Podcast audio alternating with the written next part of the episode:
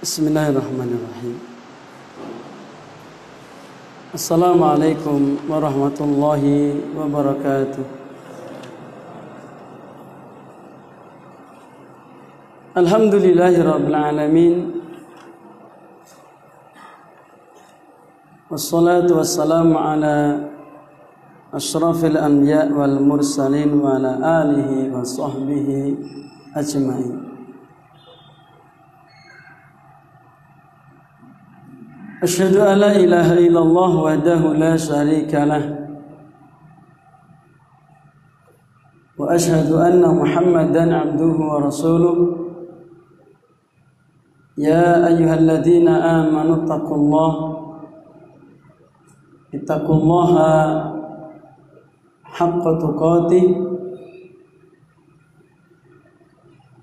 ولا تموتن إلا وأنتم مسلمون أما بعد. Dumateng para jamaah, para hadirin, bapak-bapak, ibu-ibu, lan sedanten sederek kaum muslimin wal muslimat ingkang tansah dipun rahmati dening Allah Subhanahu wa taala. Alhamdulillah wonten kesempatan sonten punika pepanggian ingkang kaping gangsal. Pertemuan yang kelima.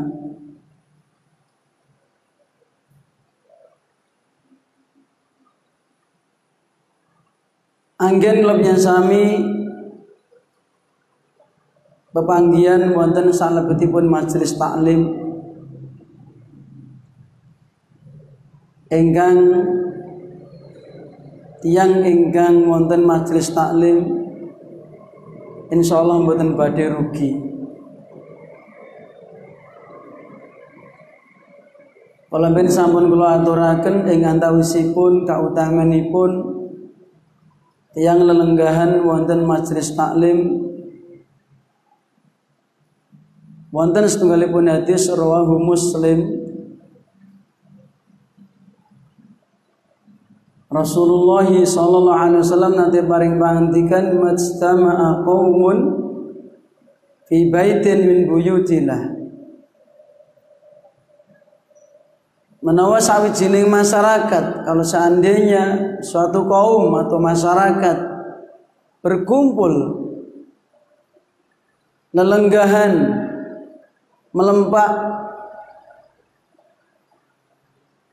ana sawijining omah ing antarane omahe Allah. Maksudipun masjid. Kanthi tujuan injih punika yatsluna kitab Allah Kanthi tujuan maos kitabipun Allah Al-Qur'an. Salajengipun wa yatadarasuna bainahum tadarus artosipun injih punika sami maos salajengipun sami nyinau isinipun. Ing antawisipun jamaah dipelajari isinya. Dipahami maksud-maksudnya. Dipahami makna-maknanya. Kanjeng Nabi nak paring pangandikan illa nazalat alaihimus sakinah. Mesti bakal tumurun kanggone wong sing gelem lumpuk ning masjid kanthi tujuan maca Al-Qur'an lan nyinau isine iki mau. Syaratnya kedah ikhlas. Bakal tumurun marang dhewe ketentreman ati, atine bakal tentrem ayem. Niki sampun janji saking Rasulullah sallallahu alaihi wasallam. Nomor kali injil punika wa ghasyiyat humur rahmah. Bakal diliputi rahmati Allah. Ini mboten bain-bain rahmat. Wa humul malaikah nomor tiga badhe dipun rubung dening para malaikat. Tentunipun kita mboten sakit nyawang. Malaikat ingkang hadir wonten majelis talim malaikat. Ingkang badhe nyabut nyawa. Malaikat. Ingkang rawuh nalikanipun tiyang baris sakaratul maut. Sebab makhlukipun gaib Nomor sekawan wa dzakarallahu fi man indahu. Tiang-tiang yang sami melempak wonten masjid kanthi tujuan taklim badhe dipun lem akan disanjung-sanjung oleh Allah di hadapan para malaikat yang berada di sisi Allah Subhanahu wa taala. Malaikat-malaikat yang di langit dipamer-pamerkan oleh Allah kepada mereka. Ini ini pun yang hadir wonten majelis taklim. Dereng kautaman sanesipun panjenengan tindak saking dalam dumugi mriki nggih. Sak jangkah dipun catet pinangka kesainan. Sak jangkah malih nggih ngresiki dosa-dosa. Lho niki. Lan kautaman kautaman sanesipun. Dereng panjenengan lenggah datang masjid punika terkadang boten kenal setunggalan setunggalipun nggak kenal satu dengan yang lainnya Dan bukan karena bisnis, bukan karena urusan dunia, tetapi semata-mata karena Allah. Maka kalau dengan sebab itu akan mendatangkan kecintaan dari Allah. Kata Sultan Hadis Qudsi, kalau Rasulullah sallallahu alaihi wasallam kalau Allah taala wajabat mahabbati lil mutahabbina fiyah. Kecintaanku wajib kuberikan kepada orang-orang yang saling mencintai karena aku. Ya. Wal mutajalisina fiyya. Dan kecintaanku, ketresnanku wajib kuberikan kepada orang-orang yang saling duduk-duduk karena aku. Duduk karena Allah. Ya. Bermajelis karena Allah.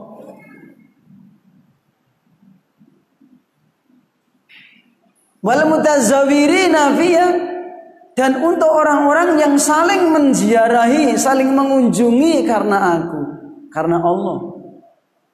Bukan karena dunia, bukan karena yang lainnya, tapi semata-mata karena Allah. Dan kita dibangun persaudaraan karena Allah Subhanahu wa taala. Wal mutabadzilina fiyya dan kecintaanku akan kuberikan kepada orang-orang yang saling memberi karena aku memberi Gak ada tendensi lain kecuali karena Allah Subhanahu wa taala. Kamu muslimin kan dipun rahmati Allah Subhanahu wa taala. Niki segede Mang Sulimale pun tiang lenggah wonten majelis taklim. Ya. Lajeng wonten kesempatan sonten menika panggen kaping gangsal. Kalau ben sampun kita bahas Injil punika tafsir al-isti'adah. Penjelasan babagan ta'awul yang maus a'udzubillahi minasyaitonir rajim. Sampun kita bahas kira-kira sedoso poin. Nggih. Sedoso poin. Lajeng sonten punika kita badhe mlebet injil punika pembahasan babagan basmalah. Babakan basmalah. Bismillahirrahmanirrahim. Ya. Niki melebet datang injil punika pembahasan basmalah apakah termasuk satu ayat dari surat Al-Fatihah ataukah suatu ayat yang tersendiri ataukah suatu ayat yang mendahului setiap surat kecuali Al-Baro'ah Nah ini mari kita bahas. Ya. Senanti bagaimana kita membacanya dikeraskan atau tidak? Mari kita bahas bagaimanakah pendapatnya para imam-imam madhab. Saat dari pun atas biasa pun monggo kita wasurmin suratul fatihah yang membawa mushaf mari dibuka kita baca sebatas kemampuan kita.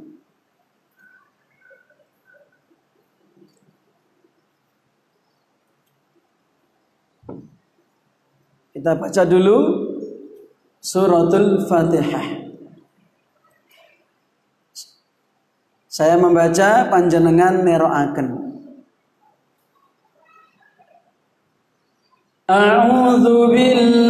Minasy syaithanir rajim.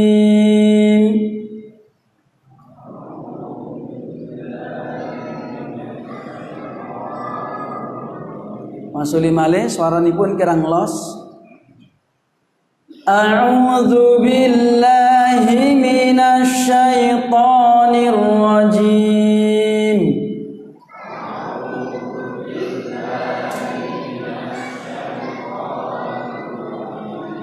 huruf ta ampun mingkem ampun po po ya. Hati huruf ta mboten mingkem Hati pucuk ilatipun kepanggih kelawan gigi seri bagian atas dalam ya. Nanti mboten mingkem. Po. Saudara kandungnya ada huruf ta, huruf dal, tapi sifatnya berbeda. Huruf to istilah lidah tengahnya terangkat. Ulangi lagi. A'udzu billahi minasy syaithanir rajim.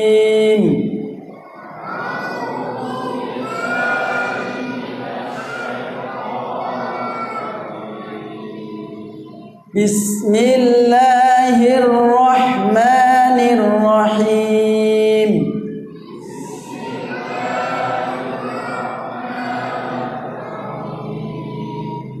Alhamdulillahi Rabbil Alamin.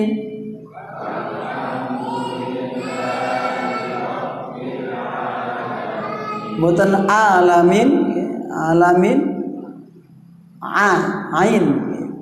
Talibun saking tengahipun tenggorokan. Alamin A. Bukan A.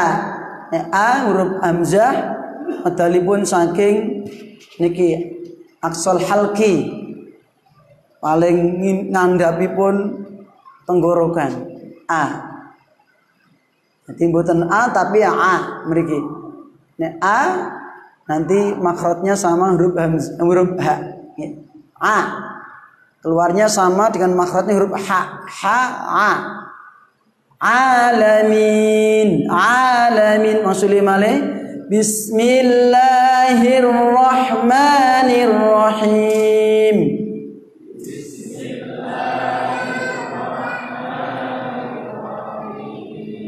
الحمد لله رب العالمين.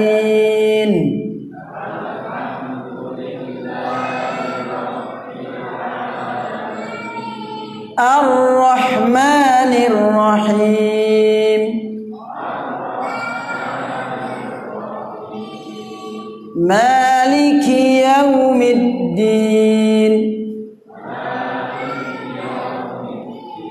bisa dibaca maliki yaumiddin utai maliki yaumiddin tapi kita pakai yang dipanjangkan saja biar seragam artinya agak beda. Kalau dibaca pendek, Maliki Yaumiddin artinya adalah raja. Kalau Maliki Yaumiddin artinya al-mutasarrif, yaitu yang mengatur. Tapi intinya nanti sama. Ya. Karena makna Malik Yaumidin, penguasa di hari kiamat nanti pengatur dan termasuk raja di hari kiamat nanti. Siapa? Allah Subhanahu wa taala. Masuli Malik. Malik Yaumiddin.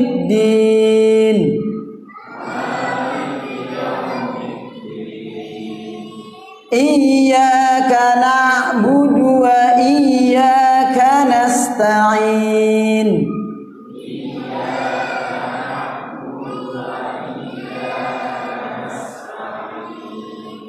اهدنا الصراط المستقيم.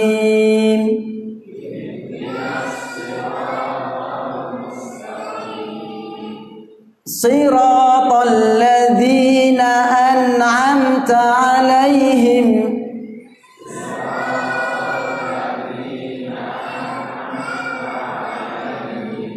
غير المغضوب عليهم ولا الضالين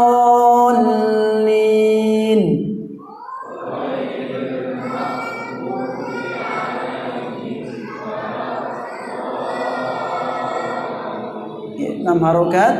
Walau dolin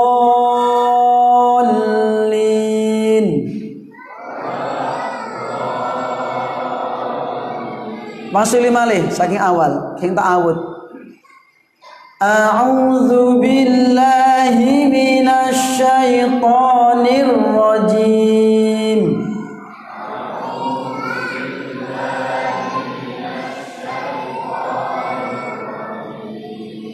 بسم الله الرحمن الرحيم.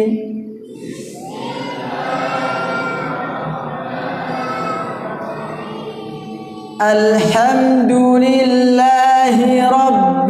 العام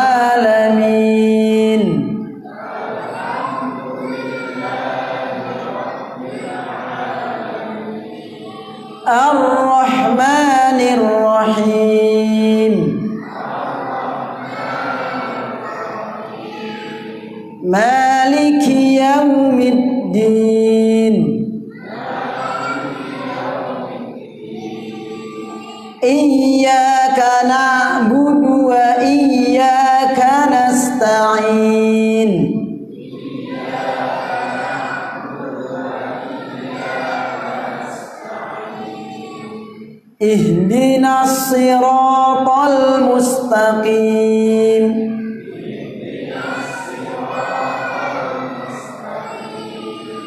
صراط الذين أنعمت عليهم.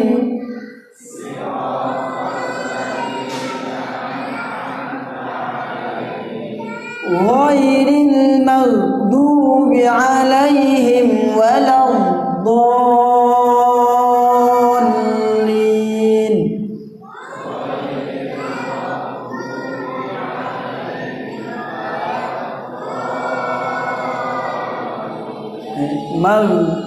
mboten magdu nggih. Dadi ini pun mboten qalqalah. Mboten ghainil magdu mboten magdu nggih.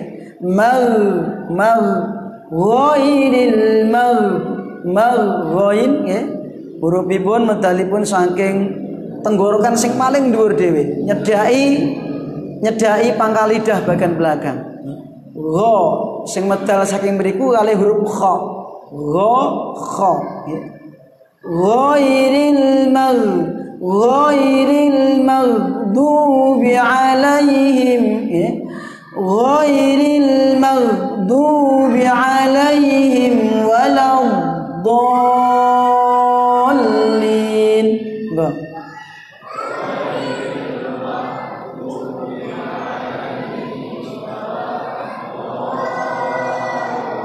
Okay. Insyaallah benjing kita wangsuli malih maosanipun sebab kita tasih bahas wonten saklebetipun Al-Fatihah. Nggih. Saniki nembe pepanggihan nomor gangsal nembe basmalah. Para jamaah ganti para mati Allah Subhanahu wa taala, nggih. Basmalah yang bacaannya adalah Bismillahirrahmanirrahim. Ya. Wonten tafsir Ibnu Katsir nanti ko Al-Imam Ibnu Katsir rahimahullah taala. Iftataha biha as-sahabatu bi kitabillah. Para sahabat bika kanti mausan Al-Qur'an utawi surat ngagem basmalah ya. Terus para sahabat bika waosanipun surat-surat wonten Al-Qur'an ngagem basmalah. Para ulama Watafaqal ulama ala annaha ba'du ayatin min suratin Naml. Ini para ulama sepakat menai basmalah punika bismillahirrahmanirrahim. Ini sepakat mboten perbedaan. Nggih. Pilih basmalah punika salah setunggalipun ayat wonten surat An-Naml. Surat An-Naml surat nomor 17. Ayatipun tigang dosa. Niku nalikanipun Nabi Sulaiman kirim surat dumateng Ratu Sabah. Annahu min Sulaiman wa innahu bismillahirrahmanirrahim. Nah, terus kalimat punika kasrat wonten suratun Naml. Ayat 30. Itu ketika Nabi Sulaiman mengirim surat kepada Ratu Sabah. Ini kesepakatan para ulama. Nah, summa ikhtalafu lajeng para ulama beda pendapat. Napa mboten pun dibedanipun? Lah apa perlu dibahas to Mas perlu. Sebab menawi kita mboten mengerti perbedaan-perbedaan pendapat punika terkadang tiang kenceng. Terlalu kenceng anggenipun nyikapi perbe perbedaan. Ngeten. Malah perlu dibahas wonten mriki supados kula panjenengan sami saged tengah-tengah. Enak sing petentengan ora iki sunat termasuk Al-Fatihah. Ora iki ora kalebu akhiripun gandeng mboten mangertesi perbedaan pendapat wonten mriki ternyata perbedaan yang bisa dimaklumi Nah, gandeng mboten mangertos karena tidak tahu akhirnya mereka petentengan akhiripun teng-tengan terus neng-nengan gitu. Nah, ini nggak boleh. Maka ada perbedaan-perbedaan pendapat dalam Islam itu yang bisa ditoleransi, ada yang tidak. Ngeten. Namanya perbedaan atanawu dan tadad. Kalau tanawu kita boleh toleransi karena masing-masing ada dasar dan dalilnya. Yang satunya nggak boleh ditoleransi. Kenapa? Satunya tanpa dalil, ya. Satunya pakai dalil. Nah, ini nggak bisa digabungkan. Maka tidak setiap perbedaan itu bisa ditoleransi, tapi juga tidak setiap perbedaan itu harus menimbulkan perpecahan Maka ini perlu dibahas. Ya. Ini perbedaan para ulama apakah termasuk ayat atau tidak? Mari kita bahas. Ya. Pendapat yang pertama yang dinukil oleh Alimah Ibnu Katsir dalam tafsirnya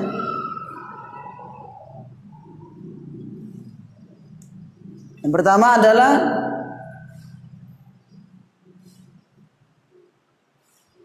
hal hiya annahu hal hiya eh, ayatun mustaqillatun fi awali kulli sunatin. Siji. Ya. apakah basmalah itu merupakan satu ayat yang tersendiri yang ada pada setiap setiap surat Gitu? Ini yang pertama. Dan kenyataan tertulis basmalah pada setiap awal surat kecuali surat Al-Baroah atau surat At-Taubah. Itu enggak ada. Yang kedua, aw min kulli suratin kutibat fi awali fi awaliha atau basmalah itu termasuk bagian ayat yang ada pada setiap surat. Ya, yang pertama tadi, tak ulangi lagi, apakah basmalah ini termasuk suatu ayat, sebuah ayat yang tersendiri yang Allah turunkan untuk memukodimahi, untuk mengawali setiap setiap surat. Siji, paham boten? Paham boten? Paham boten Pak? Jenengan mau saben surat mesti enten basmalah. Tersendiri kan? Maka apakah itu ayat tersendiri yang Allah turunkan untuk mengawali setiap surat pertama? Yang kedua, apakah basmalah itu diturunkan memang diturunkan untuk digabungkan kepada setiap surat. Ngeten itu pendapat yang kedua. Oke? Paham? Nah dari paham munjurin oke?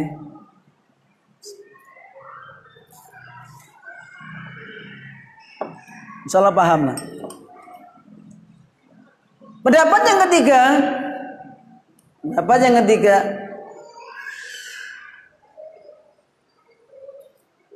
annaha kadzalika fil Fatihati duna ghairiha. Atau apakah basmalah itu termasuk bagian dari suratul Fatihah tok tetapi tidak bagian dari surat yang lainnya. Seperti itu.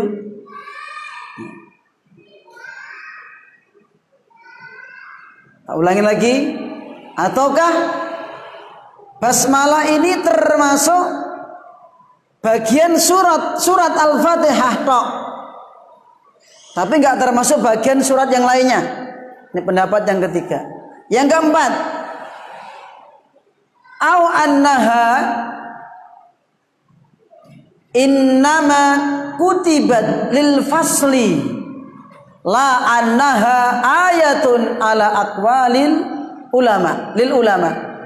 Yang keempat adalah ataukah basmalah itu sebuah ayat yang Allah turunkan untuk memisahkan antara surat yang satu dengan yang lainnya. Nah ini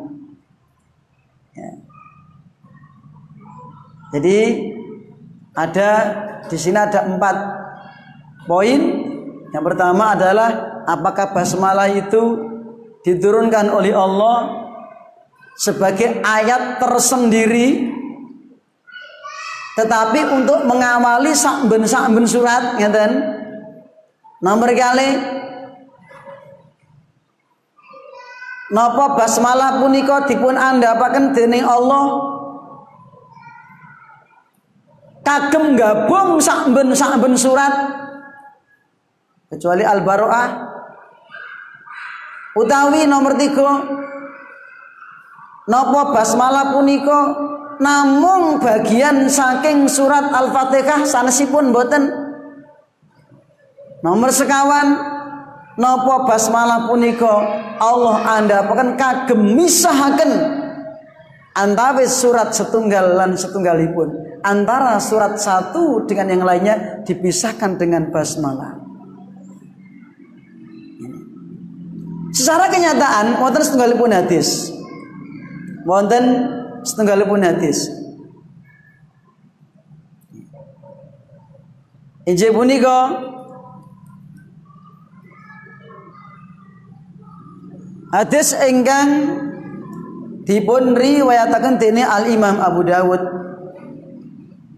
Ugi Al Imam Al Hakim hadis ingkang dipun sahihaken dina Al Imam Al Albani wonten kitabipun Sahih Sunan Abi Dawud. Napa ngelipun? Hadis ingkang sumberipun saking sahabat Ibnu Abbas radhiyallahu anhuma anna Rasulullah sallallahu alaihi wasallam kana la ya'rifu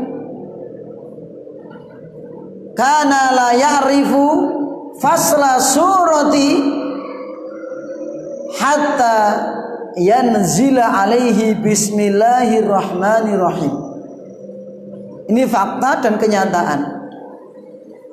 Ibnu Abbas menuturkan bahwasanya Rasulullah Shallallahu Alaihi Wasallam beliau tidak mengetahui atau beliau belum mengetahui apa itu Perbedaan antara surat satu dengan yang lainnya. Pembeda, pemisah antara surat satu dengan yang lainnya sehingga turun kepada beliau ayat Bismillahirrahmanirrahim. Ya. Berarti kalau seandainya dijadikan pemisah ada benernya. Ya. Kalau basmalah ini sebagai pemisah antara surat satu dengan yang lainnya tidak salah. Ngeten. Mboten salah.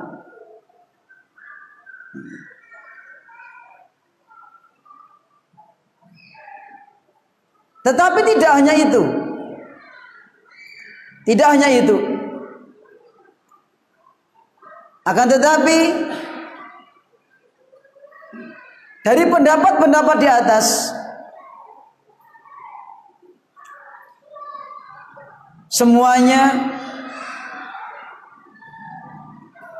merupakan perbedaan-perbedaan pendapat yang antara satu dengan yang lainnya merupakan perbedaan yang tidak besar. Artinya tidak sampai menjadikan antara para imam-imam yang berbeda pendapat berpecah belah. Tentunya kalau kita juga harus seperti itu mensikapi perbedaan yang ada tetapi semua ada dasarnya. Saya akan menukilkan. Ya. Di antaranya adalah menjelaskan dari pendapat di atas. Yang pertama adalah annaha ayatun min kulli surah ila baro'ah. Basmalah ini merupakan satu ayat pada setiap surat kecuali surat At-Taubah Al-Baroah. Yang punya pendapat seperti ini adalah contoh seorang sahabat yang bernama Ibnu Abbas. Ya seorang sahabat. Yang kedua Ibnu Umar. Termasuk Ibnu Zubair wa Abu Hurairah wa Ali dari sahabat dari tabi'in atau Tawus Said bin Jubairin dan lain sebagainya. Termasuk di sini adalah termasuk Al-Imam Asy-Syafi'i. Ya. Termasuk Imam Ahmad bin Hambal dan yang lainnya. Ini pertama. Ini kita hanya ingin mengetahui bahwa yang punya pendapat-pendapat seperti itu termasuk ulama-ulama besar zaman dahulu bahwa basmalah termasuk bagian dari setiap surat kecuali al-baro'ah. Yang kedua, berkata Al-Imam Malik dan Abu Hanifah dan termasuk orang-orang yang mengikuti pendapat mereka berdua. Pendapatnya apa? Laisat ayatan minal fatihati wala min ghairiha minas suar. Jadi Imam Malik, Abu Hanifah dan termasuk orang-orang yang bermadhab dengan mereka berdua punya pendapat bahwasanya basmalah tidak termasuk ayat dalam Al-Fatihah dan tidak termasuk ayat dalam surat yang lainnya. Ini. Nanti karena itu nanti Imam Malik ketika membaca Al-Fatihah tidak dibaca. Ya, tidak dibaca. Ini yang kedua. Yang ketiga, Baqala Syafi'i fi fi qaulin fi ba'di turki madhabihi. Berkata Al Imam Asy-Syafi'i dalam salah satu pendapat beliau yang ditinjau dari salah satu jalan dari madhab beliau beliau mengatakan hiya ayatun minal fatihati walaisat min ghairiha ini salah satu pendapat beliau bahwa basmalah termasuk salah satu ayat dari surat Al-Fatihah tapi tidak termasuk ayat dari yang lainnya. Ya. Ini. Ini yang ketiga. Yang keempat, Waqala Dawud maksudnya adalah Dawud Al-Zahiri. Dan juga Imam Ahmad bin Hambal Bila berpendapat bahwasanya hiya ayatun mustaqillatun fi awali kulli suratin la minha.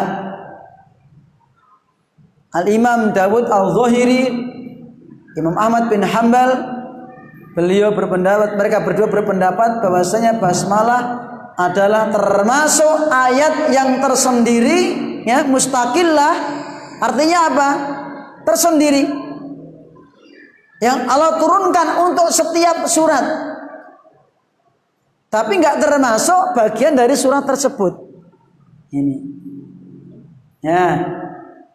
Ini di antara empat pendapat tadi. Ada imam-imam yang berpendapat. Artinya kalau kita mengenal seperti itu ya maka masing-masing kita harus saling menghargai.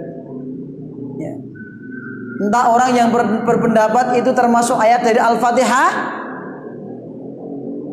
Termasuk Imam Syafi'i yang berpendapat. Termasuk banyak dari para sahabat tadi ya. Termasuk bagian alfa apa namanya suatu ayat awal setiap surat. Dari para sahabat, tabiin, berpendapat seperti itu. Atau orang yang berpendapat nggak termasuk ayat. Karena kenyataannya ada hadis yang menjelaskan bahwa Abu Bakar, Umar, ya, Utsman ketika sholat di belakang kanjeng Nabi nggak pernah mendengar lafat basmalah, langsung alhamdulillahirabbil alamin. Seperti itu. Mulai gaya-gaya teng-tengan gitu tadi neng-nengan kan ya kalau dibuat terlalu teng-tengan jadi neng-nengan nah, maka terkadang seseorang belum membaca perbedaan seperti ini baru mendapatkan satu jalur dari pendapat tersebut maka akhirnya menyalahkan pendapat yang lainnya ya. walaupun memang dari pendapat-pendapat itu pasti satu yang paling benar namun ya untuk menghindari adanya pertentangan dari masing-masing orang yang berpendapat toh ternyata juga ada jalur dari para salaf orang-orang terdahulu. Maka solusi yang terbaik adalah kita menghormati dari masing-masing imam yang berpendapat. Ya? Oleh karena itu berefek dari itu semuanya maka akan berefek kepada Ketika seseorang membaca basmalah, efeknya apa? Dijaharkan atau tidak? Dibaca atau tidak kan gitu. Kalau itu bukan dari Al-Fatihah, kalau itu termasuk Al-Fatihah atau termasuk ayat tersendiri, lalu membacanya dikeraskan atau tidak? Atau disirkan atau nggak usah dibaca? Kan seperti itu. Nah, ini pendapat lagi. Nah, ini saya sebutkan secara global agar kita tahu tentang perbedaan-perbedaan tersebut. Fa amma ma yata'allaqu bil jahri biha Adapun yang berkaitan dengan menjaharkan atau tidaknya bacaan basmalah maka famufarra'un ala hadha Ya. Atas dasar ini akan bercabang perbedaan pendapat lagi. Faman ro'a annaha laisat minal fatihati fala yajharu biha. Maka orang yang berpendapat bahwa basmalah tidak termasuk bagian dari Al-Fatihah termasuk Imam Malik tadi maka ya termasuk Imam Abu Hanifah maka membacanya mereka tidak dijaharkan. Minimal di situ. Enggak dijaharkan. Wa kadzalika man qala innaha ayatun min awaliha. Demikian pula orang yang berpendapat bahwasanya basmalah adalah satu ayat yang mengawalinya. Ini maka mereka membacanya tidak dijaharkan, disirkan. Maka kita sering mendengar Langsung sing banter napa? Alhamdulillahi rabbil alamin. Ngaten toh? Tapi ternyata dia membaca basmalah. Ya. Maka di sini tidak boleh dicela. Tidak boleh dicela. Wa amma man qala adapun orang yang berpendapat bi annaha min awaili suwar Adapun orang yang berpendapat bahwa basmalah termasuk dari ayat setiap awal surat, ya, maka faktalafu mereka berbeda pendapat lagi. Fadhaba Syafi'i Imam Syafi'i berpendapat ila annahu yujharu biha ma'al fatihati wa surah. Al Imam Asy-Syafi'i berpendapat yaitu mengeraskan bacaan basmalah ketika membaca Al-Fatihah dan setiap membaca surat selain Al-Fatihah. Bismillahirrahmanirrahim. Al-Qari'ah. Banter ke. Bismillahirrahmanirrahim. Idza zulzilatil ardu zilzalaha dan seterusnya. Bismillahirrahmanirrahim. Alhamdulillahi rabbil alamin dan seterusnya. Ini pendapat pendapat Al Imam Asy-Syafi'i dan orang-orang yang berpendapat dengan beliau. Ya, sependapat dengan beliau. Ini juga termasuk di antara wa huwa madhabu tawaifa minas sahabah wa tabi'in wa a'immatil muslimina salafan wa khalafan. Ini juga pendapatnya para sahabat juga ada yang seperti itu. Para tabi'in termasuk para pemimpin kaum muslimin baik yang dulu maupun yang belakangan. Termasuk Abu Hurairah juga menjaharkan. Kemudian berikutnya. Berikutnya.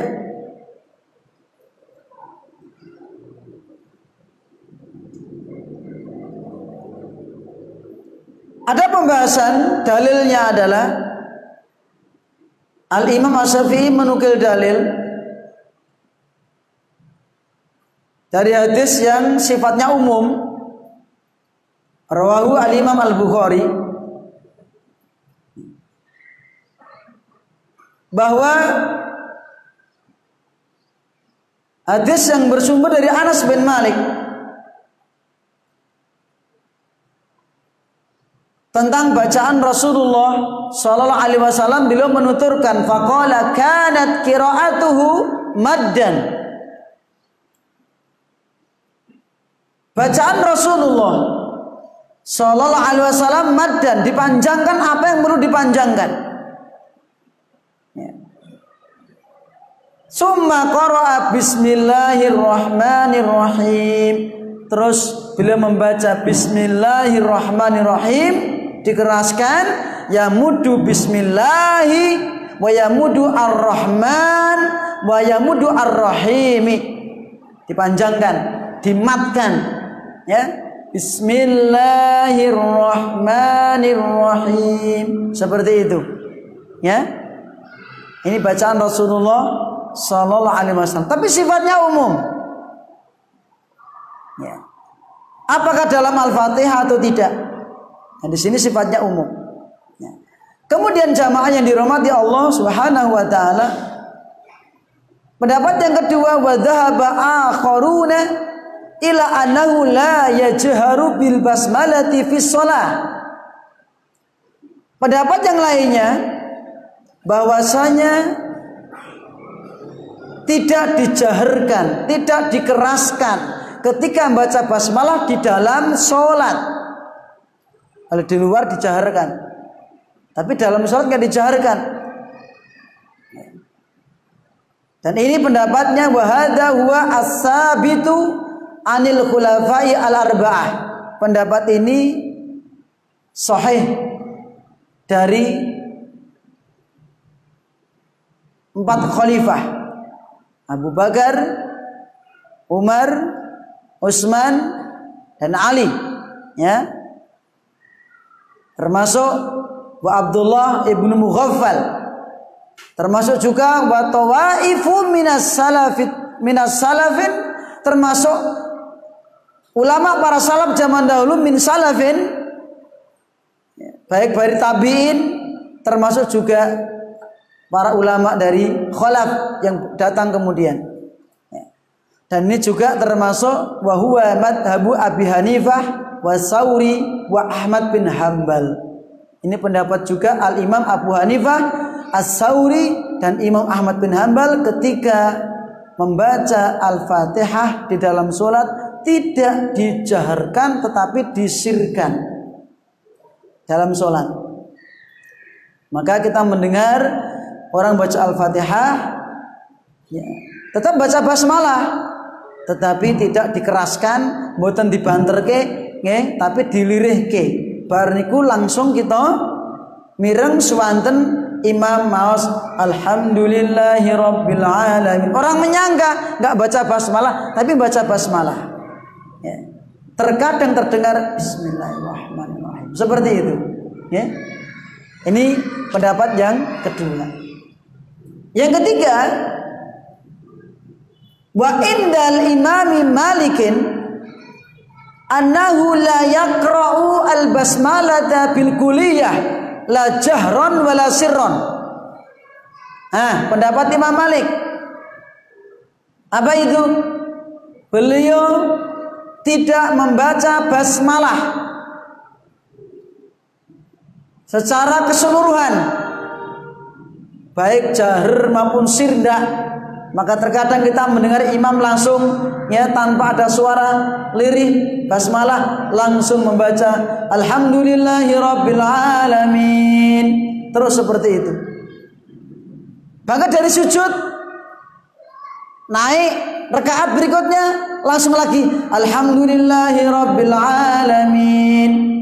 Seperti itu. Ini berarti mengikuti pendapat Imam Malik. Ini. Orang yang berpendapat seperti ini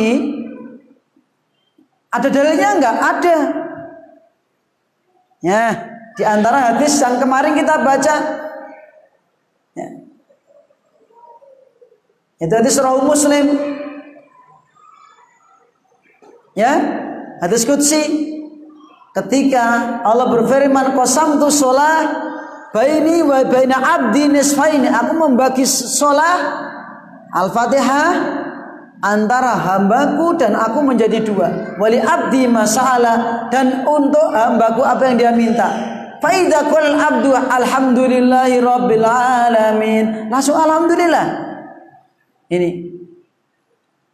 Dan juga hadis yang lainnya rawahu Muslim bahwasanya Rasulullah Sallallahu alaihi wasallam hadis yang bersumber dari Ibunda Aisyah radhiyallahu anha qalat kana Rasulullah sallallahu alaihi wasallam yaftatihu yaftatihu salata bitakbiri wal qiraah bilhamdulillahi rabbil alamin. Diceritakan Ibnu Aisyah bahwa Nabi membuka bacaan dalam solat ya setelah takbiratul ikhram terus bacaan langsung terdengar alhamdulillahi rabbil alamin. Basmalah enggak terdengar. Tetapi meskipun demikian dipahami oleh orang yang menganggap itu suatu bagian dari surat setiap surat maka dianggap Nabi mengisrikan apa melirihkan bacaan basmalah. Maka dari sini semua jamaah yang dirahmati Allah SWT apa kesimpulannya? Kesimpulannya Al Imam Ibnu Kasir membuat kesimpulan Apa kesimpulannya? Yaitu fahadihi ma'akhidhu eh fahadihi ma'akhidul a'immah. Inilah pendapat-pendapat para imam. Rahimahumullahu taala fi hadhil masalah dalam masalah basmalah. Wahia koribatun Pendapat-pendapat itu semua koribatun Artinya apa? Tidak terlalu berat ya?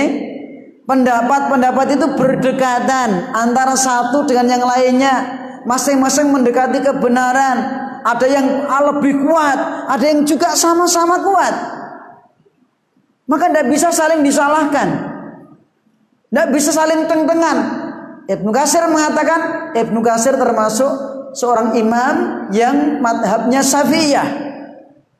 Ya. Madhab fikirnya Syafi'iyah. Beliau mengatakan koribah pendapat-pendapat itu tidak berjauhan. Enggak terlalu berat.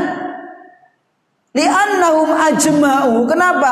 Karena semua imam tadi, imam siapa? Abu Hanifah, Al-Imam Malik, Al-Imam Asy-Syafi'i, Al-Imam Ahmad bin Hambal, semua ajma'u, semua sepakat ala sihhati salati man jahara bil basmalati wa man asarra.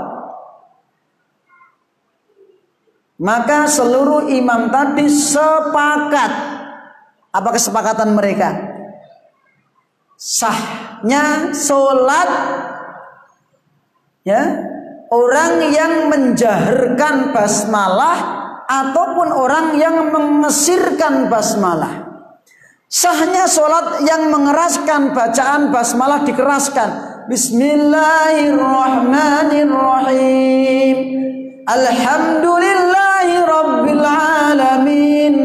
Ar-Rahmanir Rahim dan seterusnya. Atau Alhamdulillahi Rabbil Alamin. Ar-Rahmanir Rahim dan seterusnya. Atau Bismillahirrahmanirrahim. Alhamdulillahi Rabbil Alamin.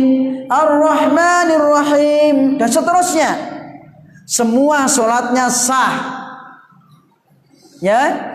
Baik orang yang mengeraskan basmalah Orang yang mengesirkan, melirihkan basmalah atau orang yang tidak membaca basmalah, semua suratnya sah. Oleh karena itu, kalau mereka sah, berarti orang yang sholat di belakang mereka juga sholatnya sah. Nge?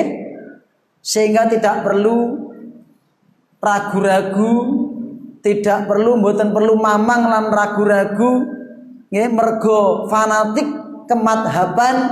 Wah gah aku. Aku kan syafi'iyah gah aku kan surat yang burine malikiyah ranggu basmalah kok ngonek rasa tidak ada yang seperti itu. Semua imam sepakat ingat. Kalau ada orang-orang yang bermadhab ABCD bermadhab Hanafiyah bermadhab Malikiyah, bermadhab Syafi'iyah, bermadhab Hambaliyah kok mengatakan tidak sahnya sholat di belakang orang yang berbeda madhab berarti dia bertentangan dengan para imam-imam tadi ya mereka pendapatnya berlawanan dan bertentangan dengan Imam Abu Hanifah, Imam Malik, Imam As-Syafi'i, Imam Ahmad. Kenapa? Karena mereka semua sepakat Orang yang membaca Al-Fatihah ketika mereka tidak membaca basmalah sama sekali, mereka membaca basmalah dilirihkan, mereka membaca basmalah dikeraskan, semua sholatnya sah. Demikian pula orang yang sholat di belakang mereka, sholatnya juga sah. Nggih? Mila niki pinangka pemahaman enggang kedah kita gondeli jenengan sholat wonten pundi kemawon saumpami panjenengan. Tiang-tiang engkang gak pendapat aku madhabu sing paling sing tak mantepi ya, sing lagi tak mantepi pendapat nek aku mau coba semalah tak sirkan monggo. Tapi nalikan jenengan kan ngimami wonten darahipun Tiang-tiang engkang mayoritas berpendapat basmalah dibanterke, mang banterke. Kenapa? Karena hanya perbedaan pendapat. Kalau Anda ketika sholat di daerah orang yang mayoritas Syafi'iyah yang mengeraskan bacaan basmalah kok Anda langsung alhamdulillahirabbil alamin jamaah akan buyar hatinya tidak khusyuk karena mereka mungkin belum paham Ketidakkhusyuan ini mengganggu dalam sholat kita. Dan bahkan nanti akan menimbulkan apa namanya don yang tidak baik.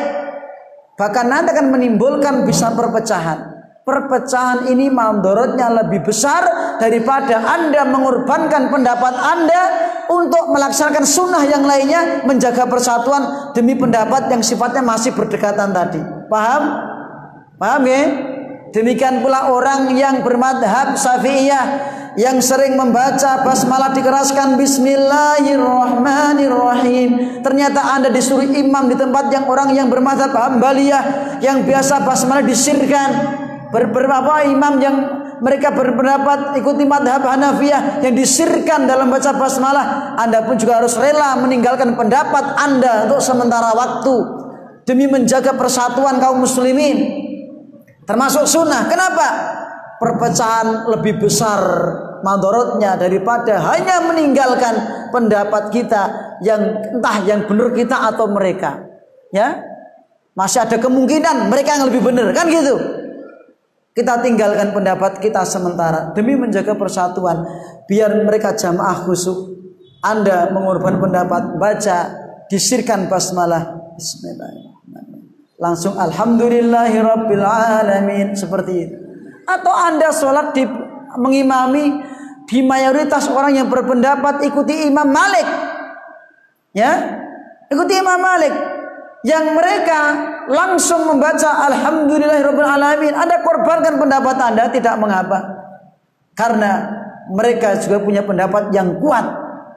Maka Imam As uh, Ibnu Kasir mengatakan bahwa pendapat-pendapat mereka itu koribah sangat berdekatan. Ya sangat berdekatan. Hampir-hampir semuanya benar. Ya jadi nggak boleh pertentangan yang akhirnya menimbulkan neng-nengan. Gitu terus neng-nengan akhirnya apa? Jutaan. Antara orang yang basmalanya dikeraskan sama tidak jutaan ora luruh-luruan. Nah, ini nggak boleh seperti ini. Inilah pentingnya mengapa saya bahas, mengapa saya terangkan agar kita tidak terlalu fanatik kepada madhab. Kenapa? Karena fanatik kepada madhab semata-mata fanatik akan menimbulkan perpecahan di antara umat Islam. Kaum muslimin yang dirahmati Allah Subhanahu wa taala, waktu sudah menunjukkan jam 5 kurang 20 kurang lebih. Ya. Oleh karena itu, insya Allah kita akan melanjutkan pembahasan akan datang. Apa itu? Sebetulnya saya akan melanjutkan pembahasan tentang keutamaan basmalah. Termasuk bacaan bismillah. Ya, saya singkat aja. Ini tambahan sedikit tentang keutamaannya. Ya. Bahwasanya Basmalah ini punya keutamaan yang besar. Seseorang baru membaca Bismillah saja ketika masuk rumah dalam hati surah Muslim ya, bahwasanya Inna rajula idza dakhala al-baita fa Ketika seorang masuk ke dalam rumah, berzikir kepada Allah membaca bismillah, ya. Maka qala syaitan, syaitan akan mengatakan kepada teman-temannya, La mabita lakum bala asya. Eh konco-konco. Bengi iki ora ana pakpan kanggo nginep kanggone kowe kabeh ning omah iki. Sebab tuan rumah maca bismillah baru masuk baca bismillah Pak. Gitu? Dan kalian tidak ada tempat untuk makan bersama dengan tuan rumah. Coba Pak, baru bismillah. Gitu? Pentingnya Anda, kita masuk rumah baca bismillah. Ini. Ketika seorang muslim melepaskan pakaiannya, baca bismillah. Apa kata Nabi? Sallallahu alaihi wasallam as-satru baina auratil insi wa ayunil jinni yang menjadi pembatas penghalang antara auratnya manusia dan pandangan jin. Pak jin sakit nyawang auratnya awake dhewe. Tapi yang membatasi sehingga akhirnya jin-jin itu nggak bisa memandang aurat kita apa? An yakula bismillah idza khala asaubah membaca bismillah ketika menanggalkan melepas pakaiannya. Jangan lupa. Termasuk masuk khola, masuk kamar mandi baca bismillah, kaki, kaki kiri dulu. Di luar baca bismillah. Kalau nggak baca bismillah, nanti melepas baju, ya toh, diteropong sama jin Anda, toh. Diintip sama jin. Jenengane atus diinceng isen mboten, Bu? Bu. Nek siram diinceng isen mboten? Nggih isen, toh. Nah niki enten makhluk sana sing goib. Kalahnya dengan bismillah. Kalau Anda melepas baju membaca bismillah sudah jin setan nggak akan bisa melihat aurat kita. Termasuk masuk ke dalam rumah, masuk ke dalam kamar mandi baca bismillah, menutup jendela, menutup pintu. Masya Allah banyak sekali. Termasuk ketika mau wudhu, kita baca basmalah. Ya. Ketika mau wudhu, kita membaca dikir. Yaitu seperti yang tercantum di dalam hadis Rawahu al-Imam Abu Dawud dan yang lainnya. Al-Imam Ibnu Kasir mengatakan bahwa hadisun hasan. Qala Rasulullah sallallahu alaihi wasallam la wudu'a liman lam yadhkurismallahi alaihi tidak sempurna wudhu seseorang yang dia tidak menyebut nama Allah. Maka ketika Anda berwudhu baca bismillah ya, lalu kemudian Anda berwudhu ya. Bismillah dulu tapi hukumnya sunnah. Sunnah. Ini gak sempurna. Kurang sempurna kalau nggak baca basmalah. Maka di antara ulama berpendapat seperti Syekh bin Bas, bagaimana kalau wudhunya di kamar mandi? Ya, maka bismillahnya bisa dibatin. Atau mungkin bismillah bisa di luar dulu. Niatnya Pak mau berwudhu, bismillah di luar dibaca, terus masuk kamar mandi berwudhu boleh. Gak ada larangan berwudhu di kamar mandi, gak ada larangan. Tapi basmalah bismillahnya jangan di di dalam. Karena nggak boleh di dalam kamar mandi ataupun WC kita mengucapkan lafat-lafat jalalah. Atau termasuk baca Al-Quran tidak boleh. Ya. Jamaah yang dirahmati Allah Subhanahu wa taala, termasuk ketika kita mohon maaf seorang yang punya sudah bersuami istri ketika Anda mau hubungan suami istri. Jangan lupa nih Pak, pas bismillah pun, ya. Baca bismillah. Oh niki ampuh Pak. Apa kata Nabi? Pun apal dereng sing mau pranikah. Mas-mas yang mau nikah ada enggak ini? Nah, harus dihafalkan doa. Termasuk sudah nikah. Yang masih muda-muda itu. Kalau sudah mbah-mbah kan seorang sudah enggak punya anak ya toh. Tapi harus dibaca juga sebagai sunnahnya Nabi, ya toh. Sunahnya Nabi, siapa tahu Allah takdirkan punya anak. Nabi Ibrahim aja punya anak, istrinya sudah tua. Nabi Zakaria, istrinya sudah tua, baru punya anak. Sesuatu bisa memungkinkan. Ya.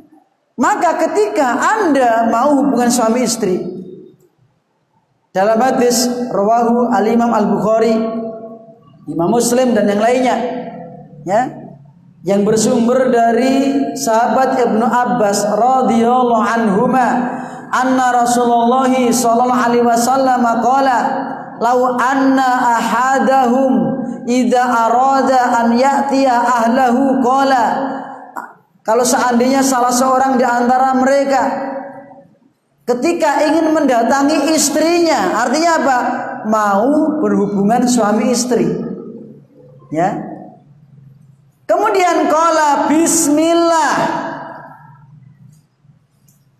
Ya, bismillah pertama. Terus membaca doa. Allahumma jannibna syaitana wa jannibi syaitana ma razaqtana. Allahumma ya Allah jannibna syaitan. Jauhkanlah kami dari syaitan dan jauhkanlah syaitan dari apa yang engkau rizkikan kepada kami itu anak. Ya Fa innahu in yuqaddaru atau yuqaddiru bainahuma Sesungguhnya apabila Allah menakdirkan antara keduanya waladun yuqaddaru bainahuma waladun apabila antara keduanya ditakdirkan memiliki anak lam yadurruhu syaitanu abadan maka setan tidak akan membahayakan, memadorotkan, mencelakakan anak itu selama-lamanya. Pak, bismillah, Pak. Oke? Bismillah nih. Ampuh mboten niku. No, bismillah niku ampuh, Pak. Setan tidak bisa memadorotkan anak yang dulu ketika antara suami istri ketika mau hubungan membaca bismillah minimal itu ya Ditambah lagi doa Allahumma janibna syaitan wa janibis syaitan tanah dibaca maka ketika Allah takdirkan dia punya anak anak itu tidak akan diganggu setan selama-lamanya.